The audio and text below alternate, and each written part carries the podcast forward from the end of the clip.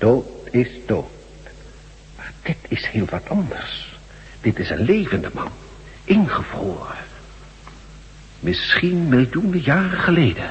En leidend aan een ongeneeslijke ziekte. In zijn tijd dan. Hoogstwaarschijnlijk wel, ja. Is het mogelijk om hem weer te ontdooien? Dat is mogelijk, ja. Maar niet hier natuurlijk. Daar heb je een vrij gecompliceerde apparatuur voor nodig. En waar vinden we die? Ik heb een collega die zich in cryogenie specialiseert. Ik zal hem opbellen en ik weet zeker dat hij meteen zo gefascineerd zal zijn dat hij meedoet. Het moet allemaal heel snel gaan, Doc. Deze nacht nog moet het gebeuren. Ik weet het. We zullen generaal Stevens vragen of hij niet een paar bijzonder plichtgetrouwe mannetjes voor ons heeft... die verder geen vragen stellen als ze dit naar buiten moeten sjouwen. Als ik het goed heb, moet hij eruit met kist en al. Inderdaad. Wilt u dan vliegt uw collega van u op? Moet hij van ver komen? Julia, over een uur kan hij hier zijn met een ambulance met al het nodige erin. Grote goden. Zeg me dat we niet dromen. Zeg dat het echt waar is. Wat een vondst.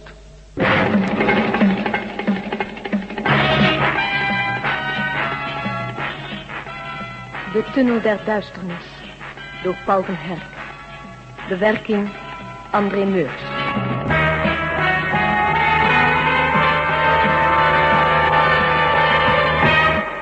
Dus als ik het goed begrijp, Doc... stamt volgens u dat voorwerp in die bouwput uit een lang verdwenen beschaving. Ja, alles wijst erop. Een omhulsel waar niet doorheen te komen is met alle moderne middelen waarover wij met onze techniek beschikken. De diepte waarop het voorwerp werd ontdekt. Ja, het klopt nu allemaal als een bus. Dat ding is automatisch zo afgesteld dat het zijn bevel om het uit te graven pas gaat uitzenden als op een gegeven ogenblik een beschaving ver genoeg gevorderd is om medisch in te kunnen grijpen. Zo zie ik het ook, ja. Ja, en toch hebben we hier duidelijk te maken met een beschaving die heel wat hoger stond dan onze. Welke ziekte die wij wel bedwingen kunnen, kan voor hen dan ongeneeslijk geweest zijn. Ontdekkingen in de geneeskunde, meneer Meldon, gebeuren maar al te vaak door gewoon stom toeval. Neem bijvoorbeeld cholera, een bijzonder gevaarlijke ziekte, die wij al lang onder de knie hebben. Terwijl we nog steeds geen pilletje hebben kunnen vinden tegen een gewone verkoudheid. Ja, dan zouden we hier wel eens met een ziekte te maken kunnen krijgen die we helemaal niet meer kennen. Dat zou dus wel eens gevaarlijk kunnen zijn. Zeer zeker, generaal. Op het ogenblik niet, zolang ze allemaal nog ingevroren zijn. Maar als we straks met een van hen aan het werk gaan... dan zullen we inderdaad voorzorgen moeten nemen... en strenge quarantainemaatregelen. Juist, dat wou ik maar zeggen. Wat me hooglijk verbaast en blijft verbazen... is overigens de rol van Washington in deze affaire. Waarom moesten wij het onderzoek staken? Als wij straks verder geworden zijn, Stevens, dan stel ik voor dat we die vraag recht op de man af, op de minister van Defensie afvuren. Ze weten daar meer van. Dat is zo zeker als 2 x 2 virus. Ja. En de kans is niet uitgesloten dat dit gevalletje mij mijn sterren gaat kosten. Kom, Stevens. Jouw kennende kan jou dat helemaal geen barst schelen. Nou, Mag ik met melden even? voor jou, met. Hallo, Melden hier. Je hebt woord gehouden met melden? Ja. Mooi. En, eh, al een beetje van je nieuwsgierigheid bevredigd? Ja? Maar toch heb ik nog wel een paar vragen. Ik zal die niet beantwoorden, melden. Alle vraagtekens zullen vanzelf wel verdwijnen. En jullie deel van de afspraak? Dr. Rayner? Die rijdt over hooguit vijf minuten naar jullie toe. Met een taxi. Ik zal haar persoonlijk helpen instappen. Oh, dan mankeert haar niks hoor, melden. Stel je gerust. Er is alleen één vervelend ding. Vertel me niet dat jullie haar ook maar één haar gekrenkt hebben. Nee, nee. Nee, nee. Ze herinnert zich alleen niet meer waar ze geweest is. Daar hebben wij voor gezorgd, moet je weten. Vrouwen zijn soms op praatzie. Niet waar, melden. Bye bye. Leuk om kennis gemaakt te hebben. Dat weten we dan alweer. De kidnapper? Ja. Wel, Dr. Rayner is op weg hier naartoe. En wie ze ook zijn, ze zijn van alles verdomd snel op de hoogte.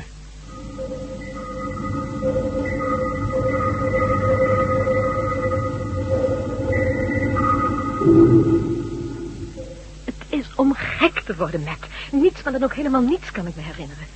Ik, ik weet nog dat mijn telefoon ging op mijn kamer die avond. Iemand vroeg me even naar beneden te komen. En, en dan is alles weg. Ik, ik weet niet waar, ik weet niet wie. Dus in de tijd komen alles wel te weten, Vel. We zijn vanavond trouwens al heel wat aan de week gekomen. Er liggen mensen uit een lang verdwenen beschaving in dat ding, Vel. Hè? Mummies of zo. Meer dan dat. Ingevroren, levende mensen. Wat? Ja, en daarom heeft dokter Anders hier een collega van hem opgebeld in New York... die zich specialiseert in cryogenie. Oh, dokter Curtis zeker? Curtis, ja. Kent u hem? Ach, natuurlijk ken ik hem. Hij experimenteert zeker al 25 jaar op dat gebied. De autoriteit, zou ik haar zeggen. Hij kan elk ogenblik hier zijn. Het is ongelooflijk. En Curtis kan die mensen weer ontdooien.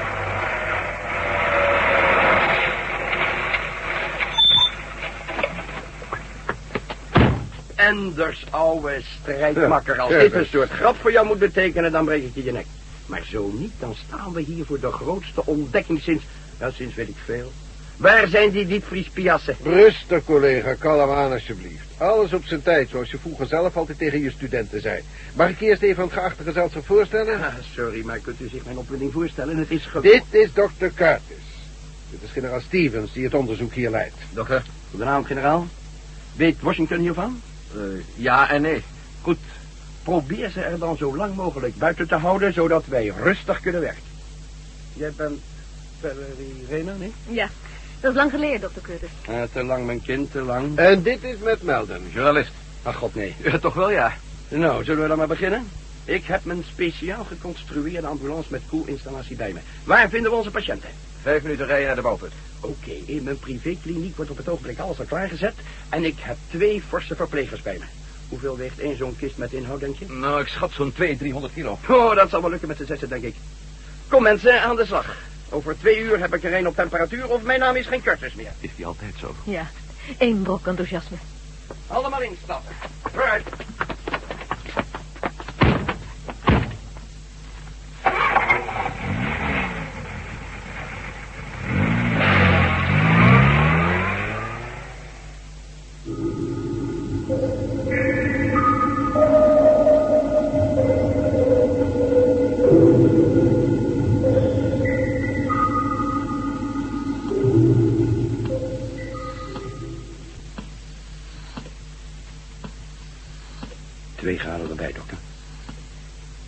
Twee graden erbij. Prachtig. Te mooi om waar te zijn. Staat het toestel voor de elektrische hartmassage aan? Jawel, dokter. Zuurstof? Zuurstof klaar. God, de spanning is hier te snijden. 35 graden Celsius, dokter. Hartmassage.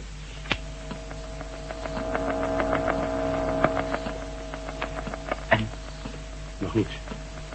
Maar wie zegt dat deze man zijn normale lichaamstemperatuur gelijk is aan die van ons? Gaat erbij. Eén gaat erbij. Ja. Daar. Kijk. Het klopt. Zijn hart klopt. En kijk. Zijn borst gaat op en neer.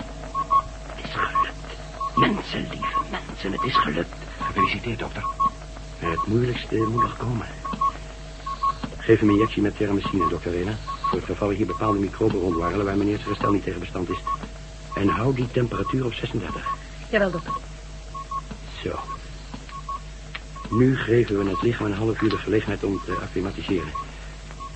Dokter Reiner en dokter Anders letten even op en waarschuwen mij zo gauw er in deze toestand verandering mag komen. Hoe gering ook. Wat gaat u doen, dokter Curtis? Ik even uitblazen. Een grote sigaar opsteken en een dubbele whisky drinken. Dit moet gevierd worden. Als de andere heren er ook in mochten lusten. Ik zeg niet nee. Een whisky zou me goed doen zelfs.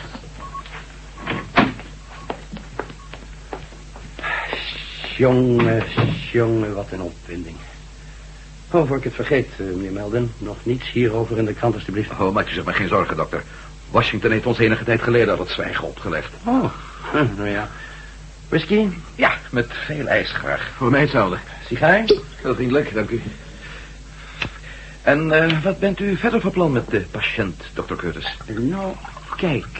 We kunnen rustig aannemen dat deze mensen zijn ingevroren... omdat ze aan een ongeneeslijke ziekte leden. Mhm. Want invriezen laat je je echt niet voor je plezier doen. Nee, het kan ook zijn dat ze alleen maar een kijkje wilden gaan nemen in de toekomst. Ook dat is inderdaad niet uitgesloten. Maar toch ben ik meer voor die ongeneeslijke ziektetheorie. Dat is te zeggen, ongeneeslijk voor die tijd waar ze vandaan komen. Mhm.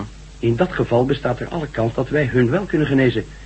Daarom, zo gauw zijn lichaam helemaal normaal functioneert, gaan we onderzoeken. Eh, gaat dat lang duren?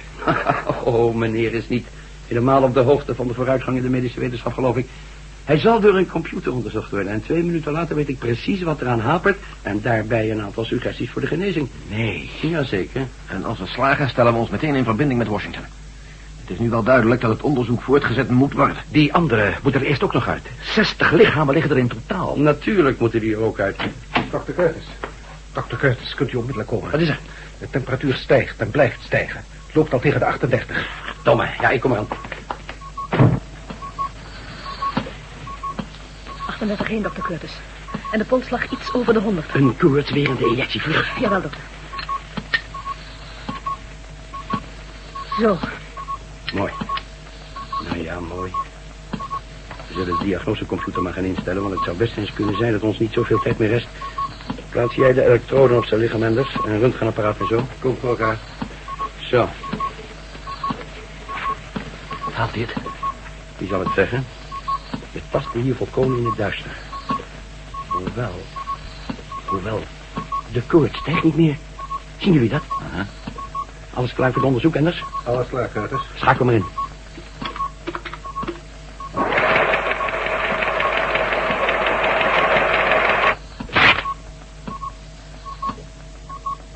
Mogen wij ook eens kijken, dokter? Wat een meevaller, zeg. Een ongelofelijke meevaller. Over een uur is deze man dood. En dat noemt u een meevaller? Laat me uitspreken. Als we hem niet gauw een dosis cerebrine geven. Een dosis doodgewone simpele cerebrine. Staat daar een hele liter van, kijk. Wat heeft hij dan? Cerebromeningitis. Hersenvliesontsteking in normale taal. Vroeger bijna altijd dodelijk. Tegenwoordig een spuitje en vloeps. Dat is te mooi om waar te zijn. Voor de rest is hij kerngezond. Zegt de computer. Zorgt u voor de injectie, dokter Rena? Jawel. Het is gebeurd. En nu maar afwachten. Hij is zo goed als zeker buiten gevaar. Dus niets spectaculairs te verwachten de eerste uren? Nee. We moeten hem wel secuur in de gaten houden natuurlijk. Maar dat kan ik alleen wel af. Dat is geweldig. Eh, dokter Curtis, is hier in de buurt niet een of ander eetentje dat nog open is? Ik zou best wel op je lusten, wat jij, Stevens. Nou, alsjeblieft. En mijn verhaal? Als dokter Curtis me kan missen. Zeker, kindje. En u, dokter Anders? Nee, ik ben veel te nieuwsgierig. Ik blijf hier. Oké. Er is een leuk Italiaans restaurantje vlak om de hoek. Als jullie de kliniek uitkomen, direct linksaf.